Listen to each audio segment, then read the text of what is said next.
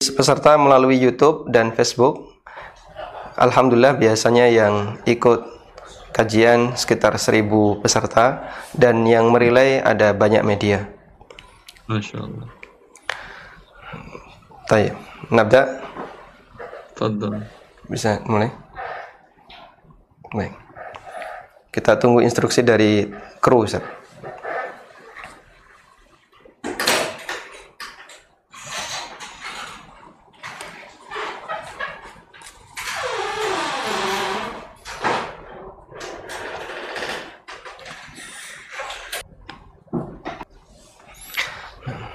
Assalamualaikum warahmatullahi wabarakatuh Alhamdulillahi rabbil alamin Wassalatu wassalamu ala ashrafil mursalin Nabiina wa maulana Muhammadin wa ala alihi wa sahbihi ajma'in Wa ashhadu an la ilaha illallah wahdahu la sharika lah Wa ashhadu anna Muhammadan abduhu wa rasuluh Salawatu rabbi wa salamu alaihi wa ala alihi wa ashabihi man sara ala nahjihi wa stanna bisunnatihi ila yaumiddin Alhamdulillah bahagia sekali di sore hari ini kita bisa kajian bareng bersama salah satu guru kita Al Ustadz Al Fadil Dr. Erwandi Tarmizi Hafidahullah Ta'ala dan Alhamdulillah beliau sudah membersamai kami dan sebentar lagi kita akan tayangkan uh, beliau namun sebelumnya kami sampaikan kepada para pemirsa baik yang mengikuti di YouTube channel ANB channel maupun di uh, fanpage Aminur Bais. Demikian pula yang mengikuti melalui beberapa media yang turut merilai acara ini. Kami ingatkan bahwa Anda bisa menyampaikan pertanyaan melalui line telepon di nomor 0812 0812 2444 3344.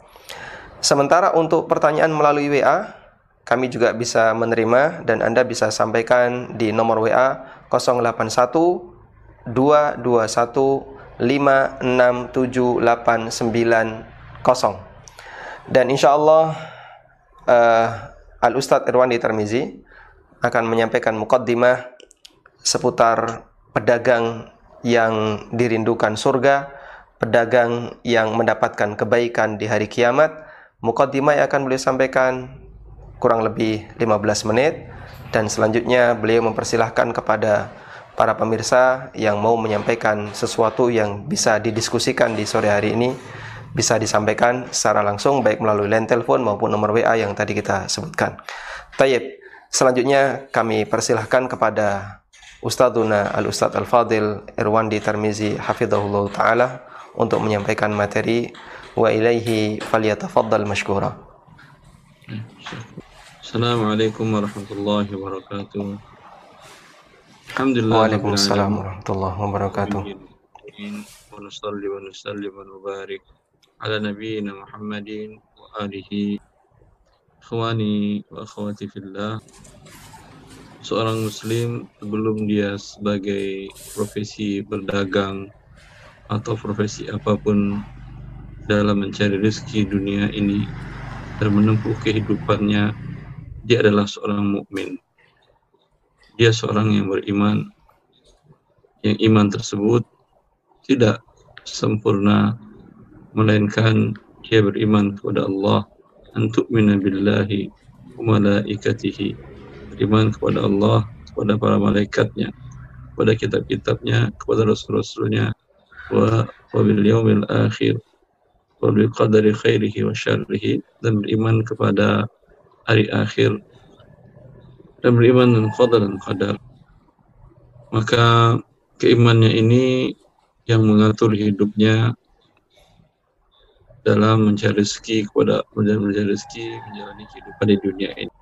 Dan orang yang bisa sukses dalam profesi apa pun termasuk profesi berdagang hanya bisa diraih oleh orang-orang yang mereka adalah orang-orang yang memenuhi kriteria ini beriman kepada Allah dan Rasulnya dan beriman kepada hari akhir. Beriman kepada qadar dan qadar beriman kepada kitabnya. Karena bila ini tidak mereka dapatkan kesuksesan tidak akan menjadi terrealisasi dalam profesi mereka, dalam kehidupan mereka, termasuk dalam berdagang. Sejarah mencatat bagaimana para sahabat Ridwanullah alaihi majma'in mereka bukan orang-orang yang malas di masanya, bukan orang-orang yang berpangku tangan, bukan yang menyebutkan dirinya di masjid dengan berzikir, berzikir, berzikir. Tidak. Mereka orang-orang yang ulet dan orang-orang yang punya kemauan kuat di dalam berdagang dan berbisnis. Mungkin beda karakter mungkin dengan kita ada bangsa Melayu dengan karakter orang-orang sahabat Nabi SAW yang umumnya mereka adalah orang Arab. Saya melihat dan pun Anda melihat mungkin beda antara kita orang Melayu yang notabene pribumi di Indonesia dengan para kaum muslimin turunan dari Arab, dari Yaman yang ada di negara kita.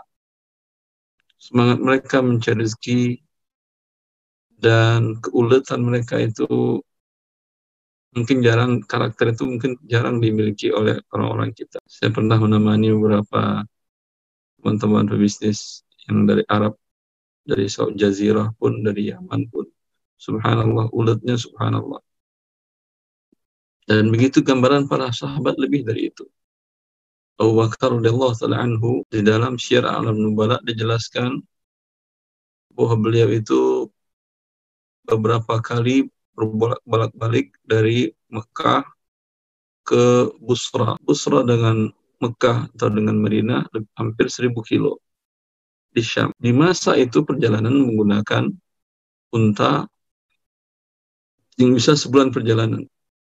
Hanya tujuan berdagang. Maka tidak heran kalau Urwah Zubair mengisahkan bahwa Abu Bakar ketika masuk Islam itu memiliki empat puluh ribu dinar. Kalau Anda mau 40 ribu dinar, mau disamakan dengan emas sekarang, sekitar 170 kg emas yang beliau miliki. Itu di masa beliau masuk Islam awal keislaman.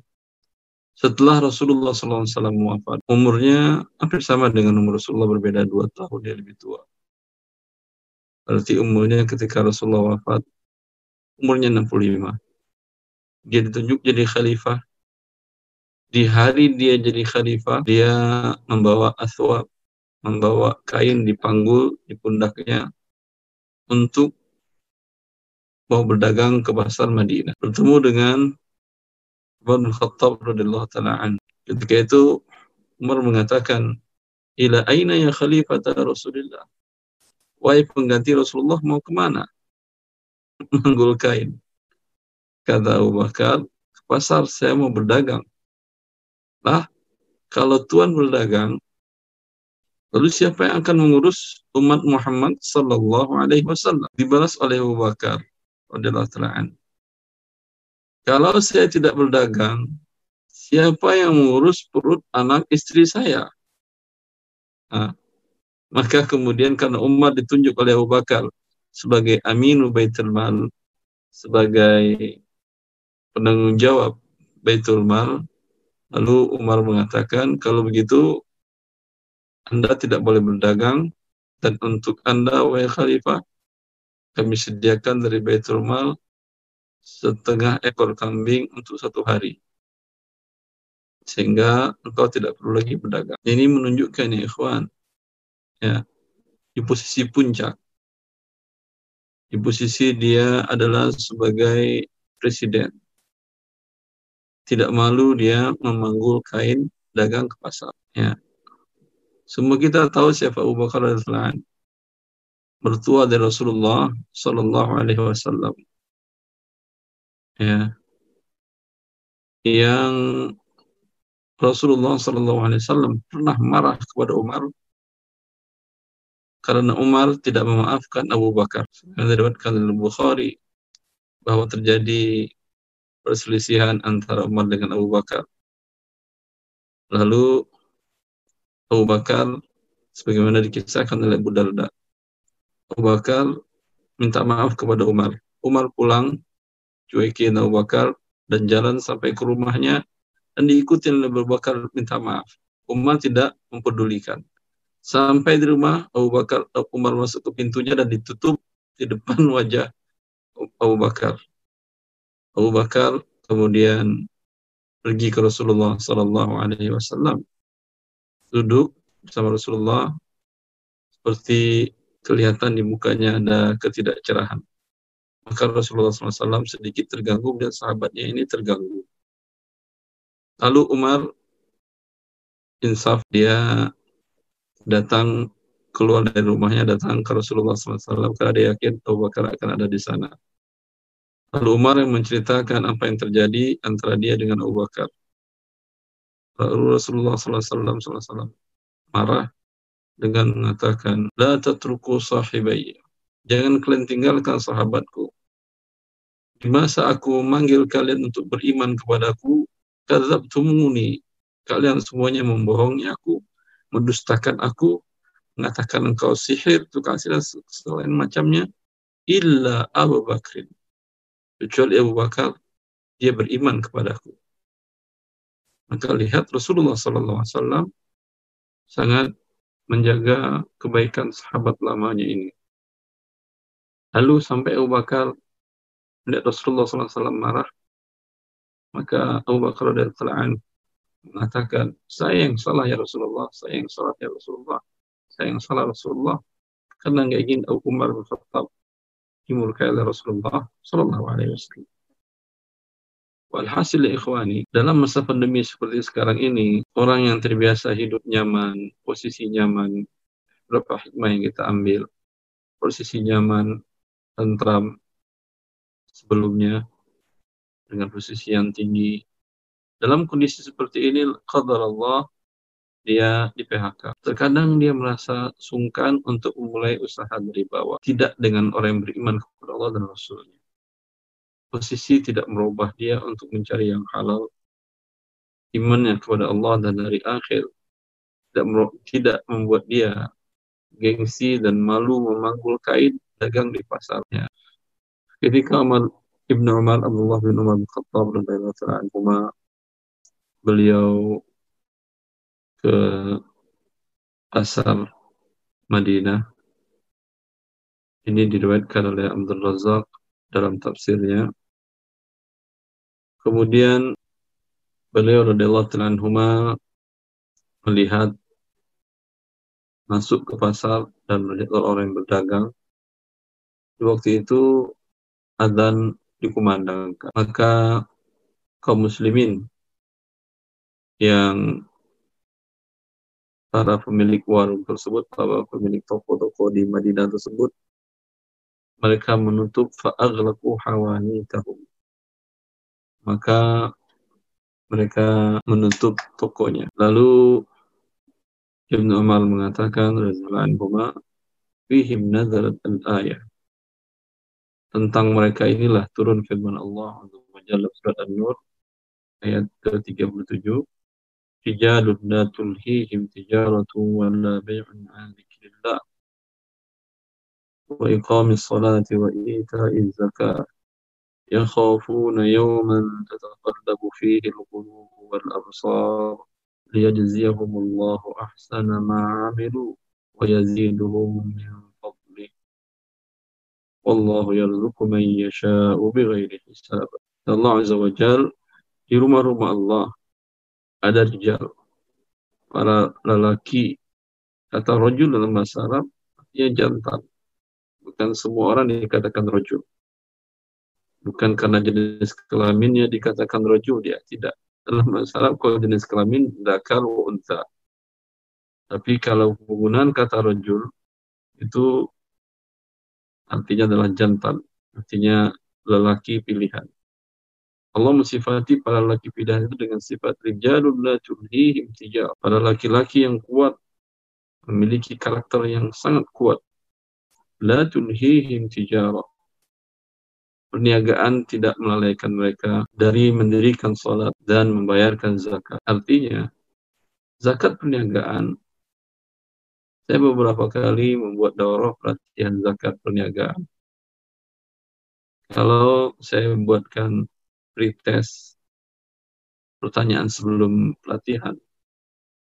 Belum pernah selama ini saya temukan kasus yang mereka bisa menjawab betul.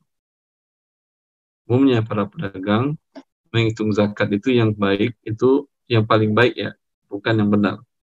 Orang yang sudah baik, sudah mungkin ngaji sedikit dan banyak, dia berzakat dari hanya dari laba saja, laba bersihnya berapa, uangnya, rupiahnya sekarang, itu dizakatkan. Karena saya memberikan pelatihan zakat di satu kota, ada kemudian yang mengatakan, Ustadz ini zakat saya berapa ya? Selama ini, Ibu gimana berzakat? Ini 10 miliar, laba bersih, usaha saya setahun, saya zakat dari situ. Dua setengah persen dari 10 miliar kan lumayan besar, 250 juta. Mungkin jarang-jarang telinga kita mendengar ada orang berzakat 250 juta. Ya, lalu dia lalu saya tanya lagi, ini 40 apa Ibu? Itu 40 miliar Pak Ustaz, modal berputar satu tahun. Usahanya apa Ibu? Catering. Berarti modal berputar ini beli beras, beli ikan, lauk, sayur mayur, segala macamnya. Iya Pak Ustaz. Berarti Ibu selama ini zakat kurang satu miliar. Ah, karena ibu harus berzakat dari 10 miliar tambah 40 miliar berarti 50 miliar kali dua setengah persen 1,25 1 miliar 250 juta. Ya, ibu nunggak ah, saya Ustaz. Iya ibu. Saya tidak bisa berbuat apa-apa kalau nanti di akhirat di mana yaumu yuhma 'alaiha fi nari jahannam. Di mana di hari itu harta ini semuanya yang tidak dizakatkan akan dipanaskan oleh Allah dengan api neraka. Atukwa biha jibahuhum wujuhu bagian depan tubuh akan disetrikakan dengan harta yang sudah dipanaskan dari neraka. Kemudian bagian belakang bagian samping kiri dan kanan ya. Siapa Ustaz? Kata beliau. Semoga dia telah melakukan hal itu ya itu yang masih takut kepada akhirat dan takut kepada adab Allah Azza wa. Tapi karena tidak punya ilmu, ya, yang menurut kita zakatnya sudah sangat besar, 250 juta, tetapi ternyata dia masih harus tunggakan zakatnya satu miliar per tahun. Karena yang dihitung zakatnya adalah dari laba, padahal zakat menghitungnya bukan dari laba dari laba dan barang dagangan dengan ada khilafat ulama dalam hal tersebut. Kalau Oki mengatakan menghitungnya adalah dengan harga modal barang per hari jatuh tempo zakat. Dalam ayat syariah menghitung zakatnya adalah dengan harga jual, harga pasar untuk penjualan barang tersebut. Tapi semuanya sepakat bahwa barang yang didagangkan itu dizakatkan. Kalau Anda agen properti, barang dagangnya perumahan, tanah, tentu dua setengah persen dari itu banyak. Dan jarang orang yang berani melakukan itu, kecuali orang-orang yang takut.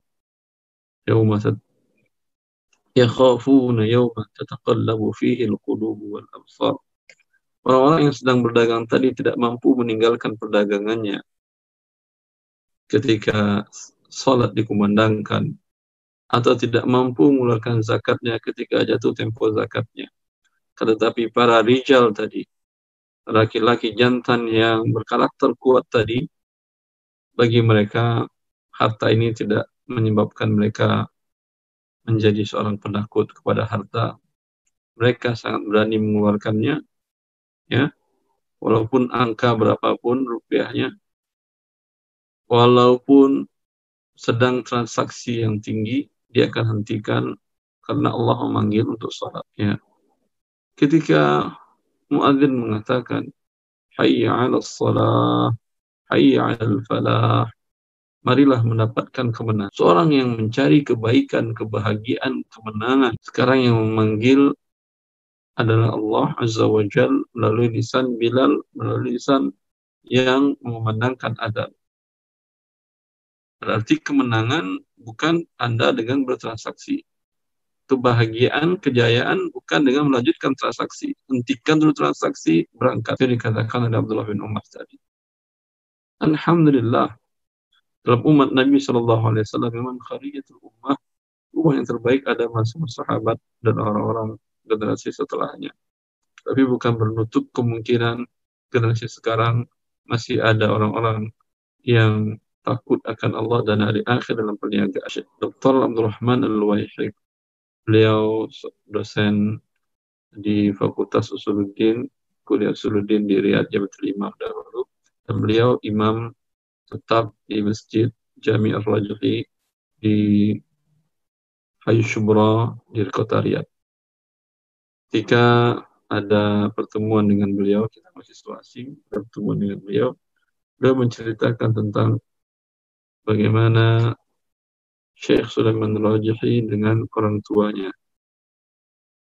Mereka bertiga orang yang punya bank Rajhi, bank terbesar dengan Capital aset sekarang lebih dari 200 miliar dolar US, sekitar lebih dari 1000 triliun rupiah capital asetnya.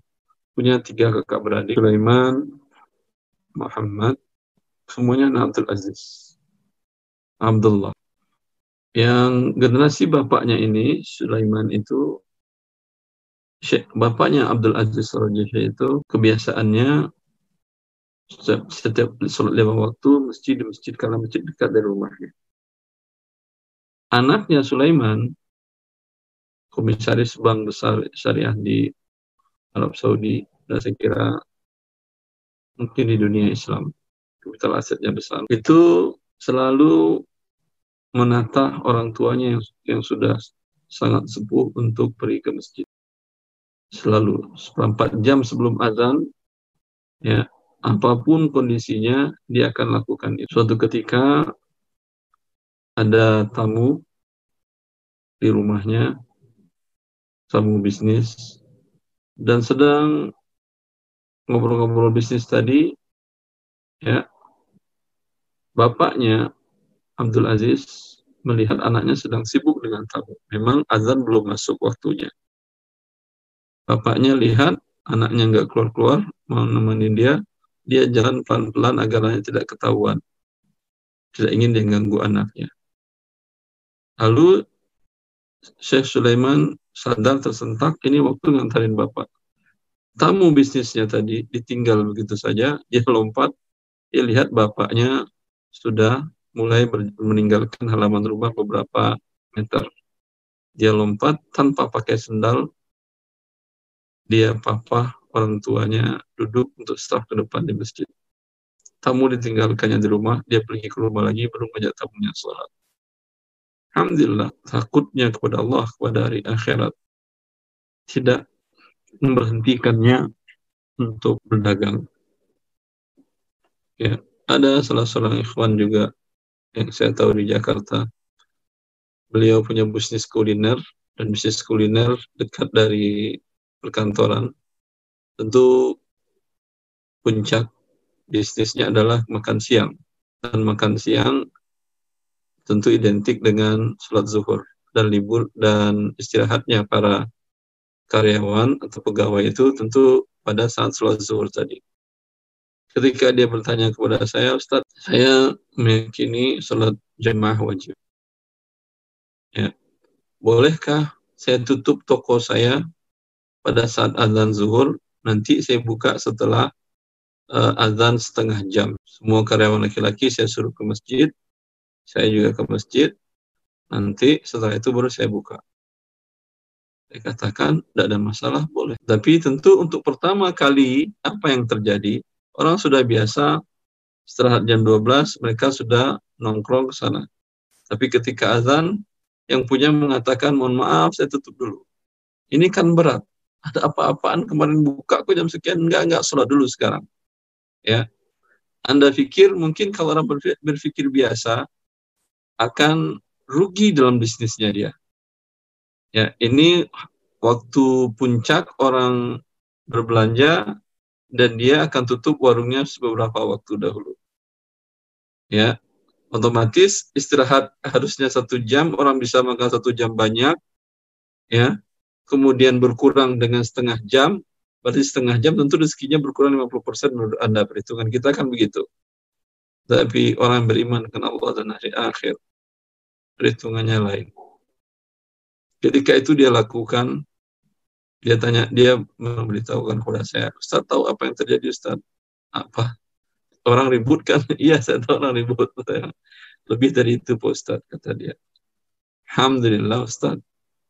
Rezeki saya, saya pikir mungkin akan kurang, tapi ternyata yang terjadi adalah omset saya naik lebih dari 100% dengan tindakan tersebut. Maka ya akhi, beriman kepada hari akhir, beriman kepada Allah Azza wa Jalla, beriman dengan yang gaib tadi, mengantarkan orang sukses dalam berdagang di dunia dan di akhirat. Dalam bertransaksi dia tidak akan pernah berani menipu. Dan apa dampaknya bila seorang pedagang yang jujur? Dampaknya di akhirat pasti dia uh, tajir sadukul amin kata Rasulullah SAW pedagang yang jujur bersama para nabi dan pada orang-orang yang mati syahid dan seterusnya. Itu di akhirat. Di dunia, pasti dagangnya laku dan laris. Allah tidak akan menyanyiakan orang-orang yang bertakwa kepadanya dan takut kepadanya dan beriman kepadanya. Ya, Abu Hanifah, ulama madhab, beliau seorang pedagang.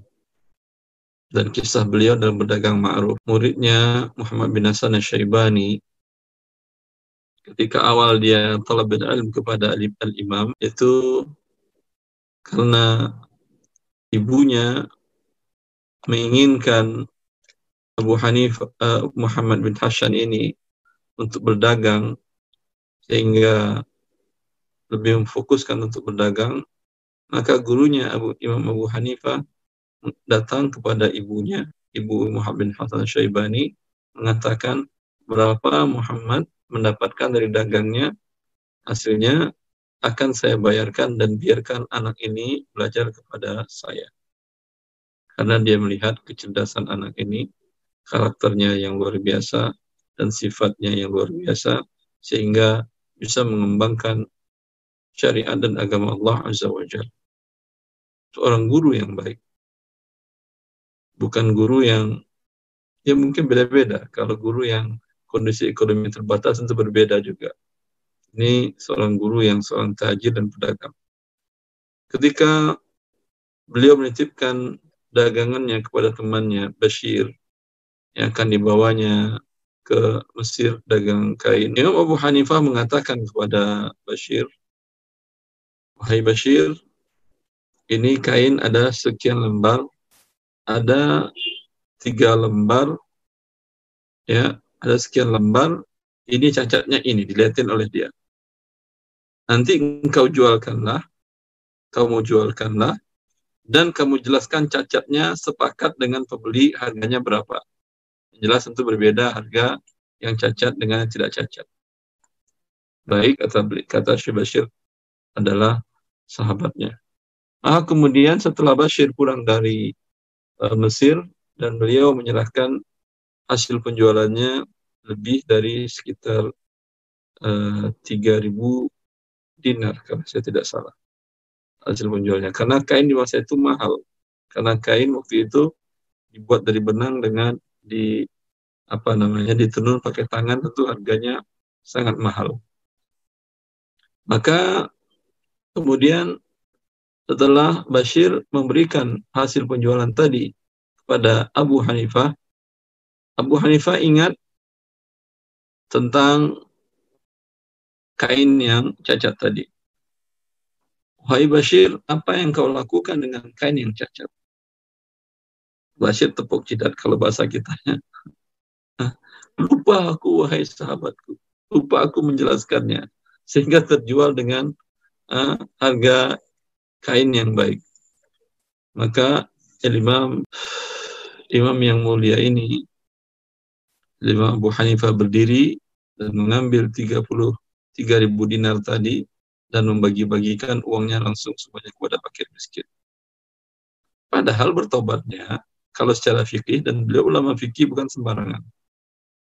Tentu cukup berapa lembar, rumahnya tiga lembar dari berapa lembar dari 100, berarti tiga persen. Kalau 3000, 3 persen dari 3000 berapa berarti? Ah, 90 berarti kira-kira anggap 90. 90 dinar. Sudah 90 dinar itu yang diberikan kepada fakir miskin. dia merasa tidak nyaman, semuanya beliau berikan. Takut akan pertanggungjawaban di hadapan Allah Azza wa Jalla. Maka seorang pedagang yang takut dari akhirat, dia tidak khawatir, tidak berani dia mendapatkan keuntungan dengan cara adalah Abdullah bin Umar dengan Uthman bin Affan. Ketika diriwayatkan di dalam Muwatta ini, kemudian juga dikeluarkan oleh Imam Nawawi dalam Majmu' Syarhul Muhadzab dalam bab tentang khiyarul aib di mana Utsman menjual Ibnu Umar menjual budaknya kepada Utsman dengan harga 800 dinar. 800 dirham 800 dirham ya kemudian setelah dibeli oleh Utsman dibawa pulang ternyata Utsman ada mendapati cacat pada budak ini lalu ada hak syar'i disampaikannya kemudian kepada Abdullah bin Umar bahwa ini budaknya cacat. Wahai Abdullah. Kata Abdullah, saya tidak mungkin berani menjual barang yang cacat kepada Anda. Ya, karena saya mendengar Rasulullah sallallahu alaihi wasallam man ghashana. Bahwa orang yang ghish yang menipu dalam perdagangannya bukan golongan kami. Menurut saya cacatnya di tangan Anda wahai Ismat. Lalu dalam kasus seperti ini tentu yang tidak punya bukti itu adalah karena sekarang buktinya ada dan Ibnu Umar diminta di hadapan qadi di hadapan qadi untuk beliau qadi syurah ma'ruf qadi syurah Qadi Syuraih mengatakan al-bayyinatu 'ala al-mudda'i wal yaminu 'ala man ankar. Engkau wahai Ibnu Umar, Abdullah, engkau mengingkari ada cacat, kamu harus bersumpah. Bersumpah atas nama Allah Azza wa Jal bahwa barang ini engkau jual dalam keadaan baik tidak ada cacatnya. Sehingga si pembeli yaitu Affan tidak bisa mengembalikan atau mengambil kompensasi selisih antara cacat dan tidak.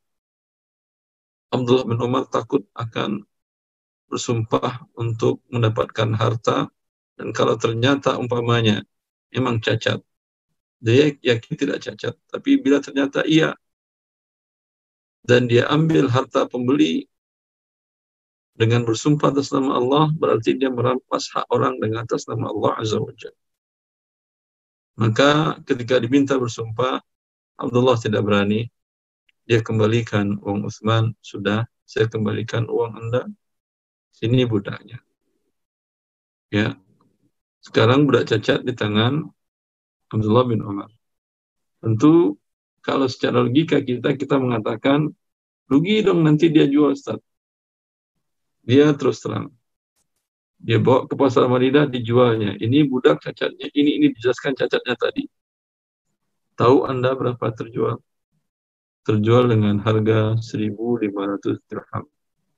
Allah berikan pertambahan hampir 100% dari penjualan pertama. Kenapa? Hanya satu penyebabnya, karena dia mengagungkan Allah Azza wa Jal. Tidak berani menjual nama Allah hanya untuk mendapatkan dunia yang hina. Ya, tentu Allah Azza wa Jal tidak akan menyia-nyiakan orang-orang yang bertakwa dan takut kepadanya. Fadol, maaf saya kepanjangan Ustaz Ami, tadi rencana setelah 4 jam, ternyata sudah hampir habis waktunya. Silahkan. Walhamdulillahirrabbilalamin Jazakumullah khairan Ustaz atas pemaparannya yang luar biasa. Dan kita bisa banyak mendapatkan ibrah dari cerita-cerita yang beliau sampaikan. Baik cerita para salaf Termasuk juga cerita orang-orang soleh yang uh, secara zaman dekat dengan kita. Kita sangat menikmati sekali Ustaz cerita-cerita itu. Sebenarnya kalau ini sampai jam 5 tidak masalah. Jadi tanya jawabnya mungkin bisa dialihkan ke sesi yang lain ya Tayyip, namun karena uh, kita sudah menyampaikan kepada pemirsa bahwa akan ada sesi tanya jawab maka insya Allah kita akan buka. Bagi Anda yang mau bergabung kembali kami ingatkan untuk yang melalui telepon bisa di nomor 0812 2444 Sedangkan yang melalui WA bisa di nomor 081 221 567890. Tayyip, kita angkat penanya yang pertama Ustaz. Silahkan. Karena uh, kita sudah menyampaikan kepada pemirsa. Silahkan, mohon maaf, volume televisinya mungkin bisa dikecilkan. Insya Allah kita akan buka bagi Anda yang mau bergabung. Kembali kami ingatkan, untuk yang melalui telepon Baik, bisa mohon di maaf ya. nomor 08 Kelihatannya tidak ada respon. Ada beberapa pertanyaan eh, yang sudah masuk melalui WA ya. Assalamualaikum Ustaz, saya mau bertanya, saya sering belanja online dan barang tersebut dan barang tersebut saya jual kembali.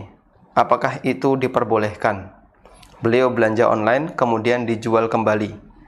Apakah itu diperbolehkan? Tidak ada penjelasan yang lebih dari itu. Nah, Ya. Baik. Rasulullah SAW mensyaratkan la tabi' hatta taqbidahu. Kapan seseorang boleh menjual barang? Bila barang sudah di tangannya boleh dia jual. Bila barang dibelinya tentu dia beli dulu dengan akad. Dengan akad barang sudah menjadi milik dia. Tapi sudah bolehkah dia jual? Jawabannya belum. Hatta taqbidahu sampai dia terima barang tadi. Dan menerima itu sepakat para ulama serah terima itu bentuknya kembali kepada uruf. Biasanya apa yang dianggap serah terima. Ya. Bila setelah dia terima baru dia boleh menjualnya. Kalau tidak ketika Ibnu Abbas ditanyakan kepada beliau apa hikmahnya uh, menjual dilarangan jual beli sebelum barang diterima, beliau mengatakan zaka darahim bidarahim wa ta'amu murja. Karena yang terjadi adalah tukar menukar uang dengan uang sedangkan barang sifatnya masih tertunda. Artinya dalam kasus umpamanya ada seorang pembeli datang ke toko Anda offline umpamanya. Dia ingin beli beras rojol lele sebanyak satu ton karena dia mau packing dalam 30-30 kilo lalu akan dibagi-bagikan kepada kaum muslimin di sekitar tempat dia tinggal. Ya, mungkin sekitar 330 uh, packingan atau paket seperti itu. Maka dia datang ke toko Anda, dia mengatakan, Pak, saya mau beli beras sebanyak satu ton rojo lele. Kebetulan dan dia sudah bawa cash. Saya bapak mau cash bisa, ini sudah di depan. Perkiraan berapa harga emas sekian juta, 100 juta umpamanya. Ini 100 juta, ya. Kalau mau transfer siap saya transfer pakai mobile banking karena saya sudah buka uh, limit mobile banking saya, ya tapi kata Anda, Qadar Allah Pak, yang ada cuma 200 kilo Pak. Tapi sebentar ya, kata Anda. Saya beli dulu ke supplier. Anda, saya bu, kata Anda, sebentar, saya Anda beli supplier. Ada rojo lele Pak, 800 kilo. 800 ton pun masih ada, Alhamdulillah, kata supplier. Ya. Lalu anda bayar ke dia, ke supplier. Pak, berapa 800 kilo itu? Dia mengatakan 60 juta. Saya transfer ya 60 juta. Dan transfer 60 juta. Berarti sudah berakad dan sudah lunas pembayarannya. Sudah boleh dijual. Kalau kebanyakannya itu langsung biasanya umumnya para pedagang. Karena mereka tidak mengerti syariat Allah. Mereka langsung mengatakan kepada pembeli tadi, udah Pak, siap. Ah, satu ton siap. Yang 200 kilo ini sudah bisa set kita packing sekarang. Yang 800 kilo lagi di jalan, insya Allah eh, satu dua jam nyampe nggak jauh kok ininya suppliernya. Ya, nanti sore saya antar ke rumah Bapak. Sudah bisa transaksi, boleh dibayar sekarang. Ya, sudah betulkah ini? Jawabannya tidak. Karena barang belum Anda terima. Pedagang offline ini belum menerima yang 800 kilo tadi. Lalu Ibn Abbas mengatakan ini adalah riba. Kenapa? Karena uang baru dibayar ke supplier sebanyak berapa? 600 juta. Kemudian dia terima lagi uang dari si pembeli yang di depannya seharga sebanyak tadi dia jual pemain 800 juta. 800 juta. Maaf. 80 juta tadi ya. Ah, salah hitung saya. Anggap 80 juta. Yang tadi dibayar 60 juta, di sini dia terima uang 100 juta, 20 juta imbalan yang 20 200 kilo yang di toko, yang 80 juta imbalan yang 80 kilo yang mesti di supplier. Maka yang untuk 80 kilo tadi berarti yang terjadi tukar uang si pedagang transfer 60 juta dan pembeli transfer 80 juta ke pedagang.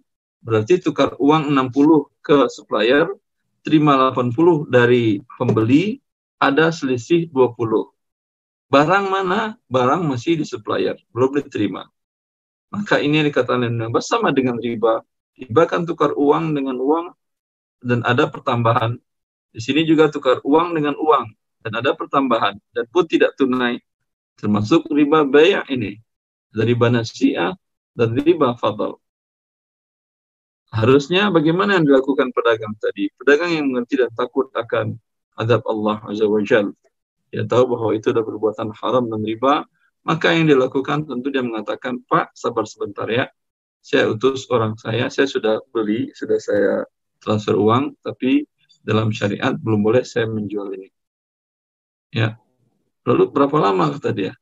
Paling dari sini jaraknya 20 menit. Setelah 20 menit, Bapak saya hubungi untuk bertransaksi yang 20 jam 200 kilo sudah bisa Bapak transaksikan dengan 20, 20 juta.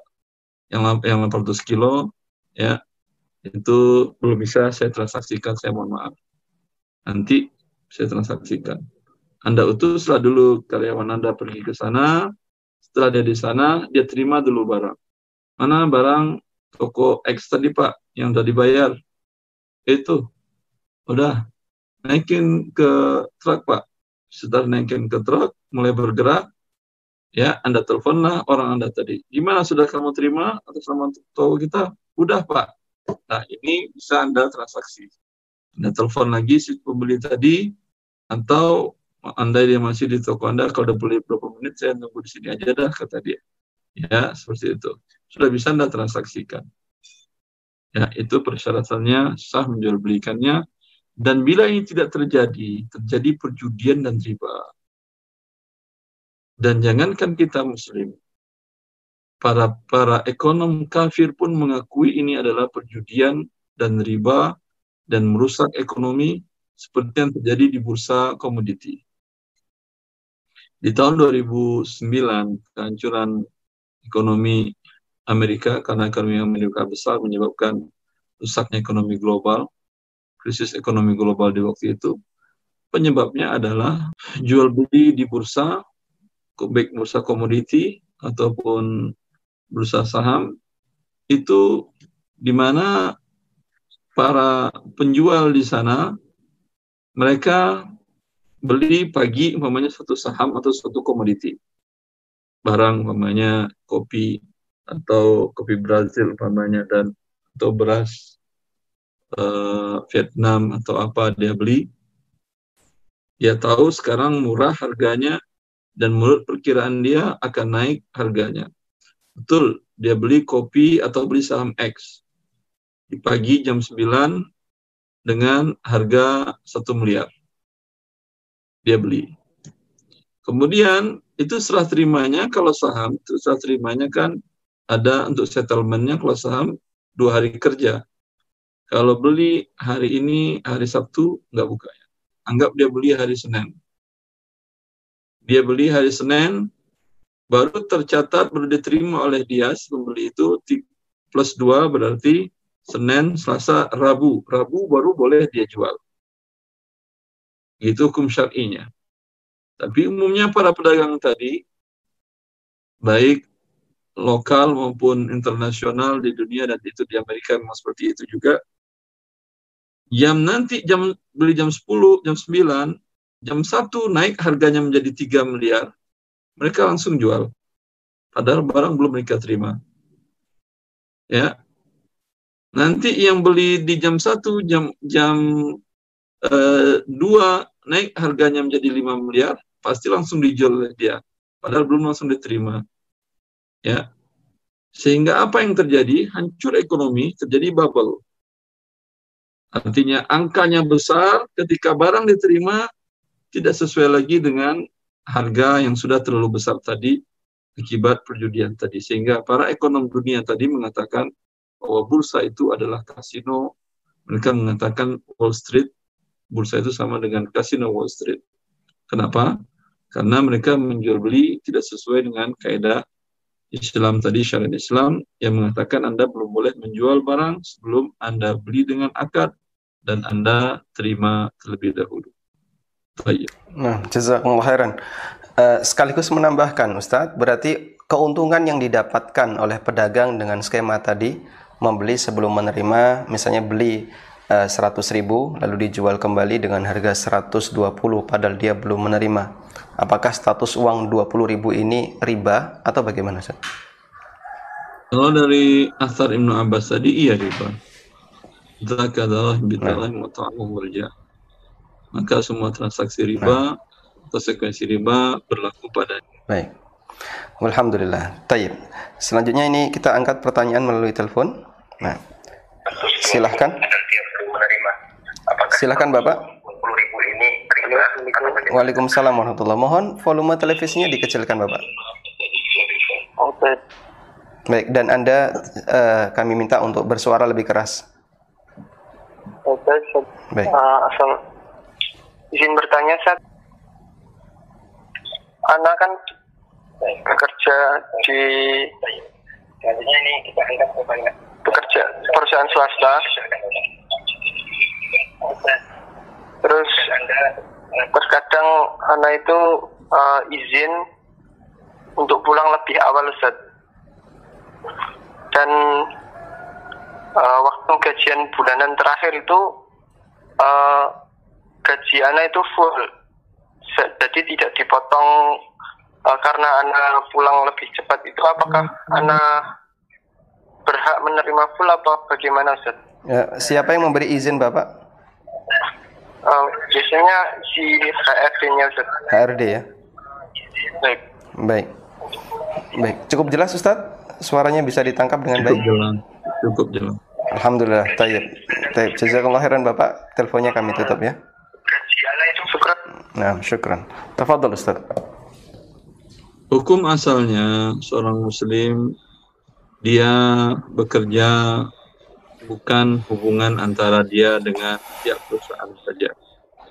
Tapi lebih dari itu, dia takut akan melanggar perintah Allah di mana Allah mengatakan, Ya ayyuhalladzina amanu awfu bil uqud. Allah mengatakan, wahai orang-orang beriman, penuhilah akad-akad kalian. Kalau Anda berakad bekerja dari jam 8 sampai jam sekian satu menit pun anda jangan melanggarnya karena akad Anda bukan hanya dengan manusia saja. Ini perintah Allah. Wahai orang beriman, penuhilah akad kalian. Anda bertransaksi jam 8 sampai jam jam 3, berarti jam 8 sampai jam 3. Jangan terlambat di awal, jangan terlambat di belakang kalau sudah berakad. Karena akad ijarah itu mengikat kecuali yang sifat akadnya bukan ijarah ya seperti akad wakalah dan beberapa akad yang tidak mengikat. Akad ada dua ada akad lazim ada akad jaiz. Dan akad ijarah adalah akad lazim yang sifatnya mengikat. Karena akadnya mengikat apa pun kondisi itu tidak bisa membuat anda izin atau apa pun. Kecuali kondisi darurat. Apa itu darurat? Ini yang penting diperhatikan. Banyak kaum muslimin hanya sakit perut yang bisa ditahan dan masih bisa dia bekerja dengan ini, tapi menjadi alasan untuk kemudian darurat.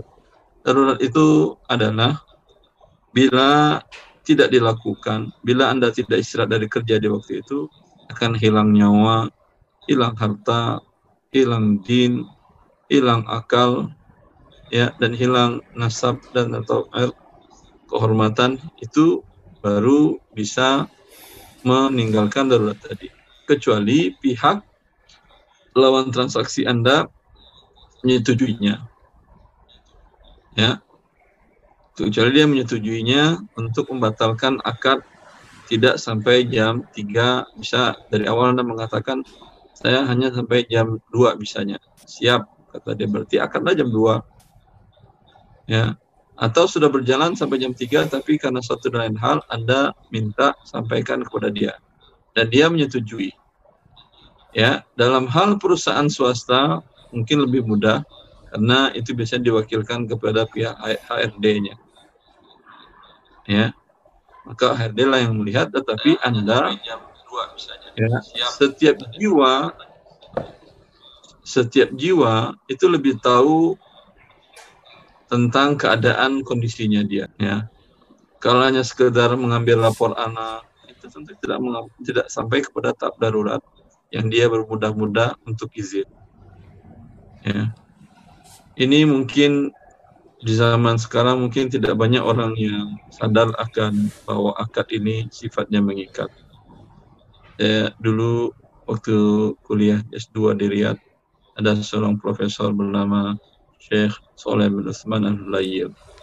Dia menasihati teman-teman kuliah waktu S2. Teman-teman itu banyak kan para dosen. Kata beliau, saya lihat kalian para dosen jarang ada di ruangan-ruangan kalian karena di sana itu setiap dosen punya diberi ruangan tersendiri lumayan besar 4 kali 4 lengkap dengan semuanya dan mesti dosen itu harus standby di ruangannya ada dua hari yang harus dia kosongkan. Ngajar tidak ngajar harus standby di sana untuk melayani mahasiswa yang ingin konsul mau apa terserah. Dan ditulis di depan pintunya bahwa sah maktabiah dia jam standby di ruangannya jam sekian jam sekian hari ini hari ini tanggal sekian. Kata dia sering saya lihat depan pintu kalian kalian harus standby tapi pintu ruangan kalian tertutup. Saya kata beliau sudah lebih 20 tahun jadi dosen sampai sekarang profesor. Seingat saya baru sekali saya tidak masuk. Ya ini akad ini antara kita dengan Allah. Ya begitu dia menasihati teman-teman kuliah. Ya jelas. Maka bila pihak ya. yang berwenang memberikan izin tidak ada masalah sebetulnya. Tapi tentu kita lebih tahu apakah kondisi kita ini membolehkan uzur atau kita hanya sekedar mencari-cari waktu tadi. Baik. Masya Allah, jazakumullah khairan dan kami memberikan garis bawah yang cukup tebal di sini ya bahwasanya ketika kita melakukan akad dalam bermuamalah mohon diperhatikan sesungguhnya kita tidak lepas dengan akad dengan Allah taala. Tayyib Ustaz, kita sudah berada di jam 5. Apakah uh, karena akad kita sampai jam 5 Ustaz? Gimana kalau ditambah Ustaz? Eh, kalau Tayyip, sesuai kita tambahkan. Bapak Silahkan tambahkan. Tidak masalah ya. Tayyip. Ini ada telepon yang masuk, kita angkat. Baik, silahkan Bapak. Silahkan. Anda sudah terhubung? Baik, tidak ada respon kayaknya. Baik, kita uh, jawab satu pertanyaan melalui WA. Saya memiliki motor tahun 92 dan spare partnya sudah tidak diproduksi bolehkah membeli spare part imitasi Ustaz? Karena spare part yang aslinya sudah tidak diproduksi. Nah. Maksudnya spare part yang KW? Betul Ustaz, imitasi KW. Nah, baik. Karena yang asli sudah tidak diproduksi. E, cuman ada rincian apakah itu atas nama perusahaan yang asli atau tidak? Pokoknya motor motornya Honda. Apakah spare part itu yang mengeluarkan Honda atau perusahaan lain? Ya, tapi karena uh, perusahaan lain atau mereknya merek Honda juga. Wallah Di pertanyaan tidak ada rincian. Ya, tidak ada masalah kita sampaikan saja. Kalau dia jelaskan bahwa ini spare part perusahaannya yang buat ini, tapi untuk Honda, untuk motor Honda, untuk tahun motor Honda sekian dengan seri seri apa uh, tipe sekian, itu tidak ada masalah. Tapi kalau anda tahu bahwa itu tertulis diproduksi oleh perusahaan Honda, ya tapi anda tahu itu bukan perusahaan Honda yang buat tapi dia KW ya ini tentu haram anda membeli karena ada pihak yang dizolimi. Lebih baik kalau anda beli yang pertama tadi. Atau saya biasanya spare part seperti itu banyak. Ya. Atau uh, kalau memang tidak ada lagi ya anda beli saja yang tadi keluarkan biasanya hak cipta royalti biasanya ada sekitar 10% karena darurat apa boleh buat Anda beli yang 10 persennya sedekahkan ke fakir miskin. Kalau harga spare partnya umpamanya 1 juta 100 ribu eh, dari 1 juta tadi Anda berikan kepada fakir miskin niatkan atas nama perusahaan yang dizolimi oleh perusahaan yang pembuat imitasi ini. Ya tapi berdampak ketika Anda menjual ini harus Anda sampaikan kepada calon pembeli bahwa spare partnya yang ini imitasi saya beli. Baik. Baik. Uh, baik, berarti uh, posisi mensedekahkan uh, royalti tadi berlaku jika terpaksa atau bolehkah misalnya dalam kondisi normal orang secara sengaja menjual KW dan nanti dia niatkan akan sedekah royalti. Kalau seperti itu boleh tidak, ini kan kasusnya terpaksa Ustaz karena di tahun 92. Nah, kalau kasusnya yang asli ada, tentu dia tidak boleh menzolinya. Ya. Kalau Baik, yang asli ada, tentu dia Kita... tidak boleh menzolinya. Dan seharusnya ini nah. yang 10% ini dia berikan ke perusahaan Honda, tapi kan nggak mungkin cuma 100 ribu dia pontang-panting mencari perusahaan Honda di Jakarta belum tentu juga dapat teleponnya dan alamatnya dan kalaupun dapat belum tentu juga mereka mau terima uang seratus ribu ya uang hasil tentu tidak betul ya. baik disedekahkan atas nama pemiliknya anda tidak tahu tapi Allah tahu nah. mereka Tanya. Selanjutnya ada pertanyaan terkait uh, perusahaan startup yang dia belum bisa menggaji karyawan sesuai dengan UMK sehingga karyawan digaji di bawah UMK. Apakah diperbolehkan? Uh, Al-ma'ruf urfan kal masyruti syartan. Bila tidak ada ketetapan harga, tentu uruf menjadi rujukan hukum. Ya. Bila tidak ada kalau ada ketetapan seperti umpamanya ketetapan dari pemerintah bahwa yang yang mempunyai karyawan lebih dari sekian maka harus di atas halus sesuai dengan UMK. Maka secara syar'i Anda sampaikanlah kepada para karyawan tadi bahwa kami nggak bisa menggaji Anda sesuai dengan UMK. Kalau mau silahkan, kalau nggak nggak ada masalah. Secara syar'i nggak ada masalah di sisi ini, tapi ada perintah Allah untuk Anda mentaati walil amr. Bila dalam aturan ketenagakerjaan sebuah perusahaan dengan standar X ya harus memenuhi begini-begini dalam uh, akadnya dengan karyawan, penggajian karyawan, maka tentu harus Anda penuhi. Baik. Khairan. Ya, kecuali Kita... umpamanya uh, kecuali Anda umpamanya tidak tidak memenuhi kriteria yang harus mengikuti aturan ketenagakerjaan. Ada umpamanya usaha apa namanya? Uh, home ministry atau usaha kecil menengah ya itu tidak perlu harus mengikuti standar tadi. Hmm. Nah, sehingga intinya jika dia keluar dari UMK harus disepakati di depan. Nah, misalnya. Iya. Baik. Kemudian, uh, baik Ustadz, karena kita berada di penghujung acara, ini pertanyaan yang terakhir sebenarnya hanya minta saran, Ustadz. Uh, seperti yang kita pahami bahwa sering kali terjadi khilaf di antara para asatidah dalam masalah fikih muamalah. Misalnya dalam masalah GoPay atau dalam masalah GoFood. kami mohon saran apa yang uh, seharusnya kami lakukan sebagai orang yang sedang belajar ketika menghadapi perbedaan semacam ini. Nah. Bila Anda menemukan dua sumber yang menurut Anda kedua sumbernya ini layak menjadi pertanggungjawaban Anda nanti di hadapan Allah Azza wa Jalla. Ya. Dengan Ustadz Fulan, sepertinya Ustadz Fulan berani bertanggungjawabkan perkataannya di hadapan Allah. Baik secara mungkin background latar belakang eh, pendidikan ataupun background penelitiannya dan segala macamnya menurut Anda bisa dijadikan hujah Anda di hadapan Allah nanti. Yang dia mengatakan dalam ini mengatakan halal. Lalu ustadz yang lain yang menurut Anda juga nggak kalah jauh background dan Anda siap menjadikannya hujah di hadapan Allah Azza wa Jal. Bila dalam hal ini Sebagian para ulama mengatakan milih pendapat yang memudahkan. Ada yang sebaliknya pilih pendapat yang memberatkan. Itu yang memberatkan adalah yang haram.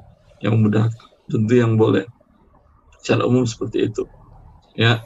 Tapi wallah taala alam dalam hal kondisi seperti ini inilah dijelaskan oleh para ulama istafti qalbak maaf inilah dijelaskan oleh Rasulullah SAW yang ini menjadi kaidah juga ada sebuah penelitian uh, di Jamiah Taibah di Madinah yang dia menulis tentang salah satu rujukan hukum adalah istifta'ul qalb. Tetapi tentu ini hak akhir. Setelah dosku dua dalil sama kuat dan dari berbagai sisi, ya maka mana yang lebih tenang hati anda untuk melakukannya lakukanlah itu karena Allah sangat pengasih dan penyayang kepada kita. Allah ciptakan dalam tubuh kita kalb, hati sebagai indikator apakah kita berbuat menentang Allah, bermaksiat kepadanya atau mentaatinya. Ada indikator dalam tubuh kita tersebut. Orang yang berbuat maksiat, hatinya pasti tidak akan tenang. Dan sebaiknya orang berbuat taat, hatinya akan tenang. Ya, kalau suatu per, suatu fatwa tadi ada fatwa pemain dikeluarkan oleh lembaga X.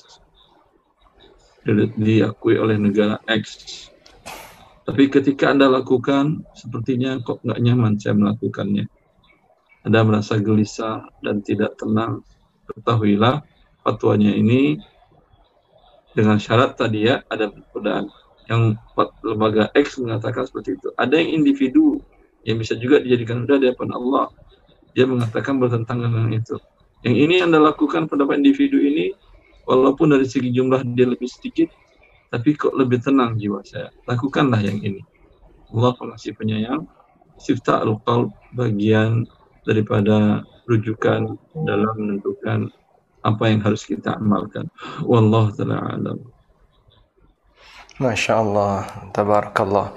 Tayyib jazakumullah khairan atas kesempatan yang diberikan. Sebenarnya ini banyak sekali pertanyaan yang masuk. Namun sekali lagi mohon maaf kepada para pemirsa, tidak semuanya bisa kita bacakan dan tidak semuanya bisa kami angkat. Dan pesan terakhir yang disampaikan oleh Al-Ustadz Erwandi Tarmizi, apabila Anda memandang ada perbedaan dan khilaf di antara lembaga tertentu atau di antara para asatidah dalam menyampaikan permasalahan fikih apa pun termasuk muamalah istafti qalbak. Mintalah pertimbangan dan fatwa kepada hatimu. Dan kita perlu yakin bahwa setiap mengambil pendapat akan dipertanggungjawabkan di hadapan Allah taala. Tayyib Ustaz jazakumullah khairan. Kami memberikan uh, uh, terima kasih sekali atas apa yang Ustaz sampaikan. Dan karena uh, waktu maghrib di Jogja lebih awal dibandingkan Jakarta sehingga oh, kami mohon uh, nah acara sampai di sini dulu. Semoga pandemi segera berakhir dan Al Ustadz Erwandi bisa sowan ke Jogja, bisa datang ke Jogja. Insya Allah saja alal ain wal ra's insya Allah Masya Allah, Alhamdulillah, alal ain wal ra's Itu kalau terjemahan bahasa Jawanya pasrah pasrah bongkoan, masya Allah. Baik, Tayyib. Baik, terima kasih atas kesempatan yang diberikan oleh tim ETA dan kami juga tidak lupa mengucapkan terima kasih kepada tim dan kru ANB Official. Semoga Allah Subhanahu wa taala mempertemukan kita kembali dalam diskusi yang lain. Jazakumullah khairan wa sallallahu ala nabiyyina Muhammadin wa ala alihi wa sahbihi wasallam. Wa akhiru da'wana anil hamdulillahi rabbil alamin. Subhanakallahumma wa bihamdika asyhadu an la ilaha illa anta astaghfiruka wa atubu ilaik. Wassalamualaikum warahmatullahi wabarakatuh. Assalamualaikum warahmatullahi wabarakatuh. Masya Allah. Izin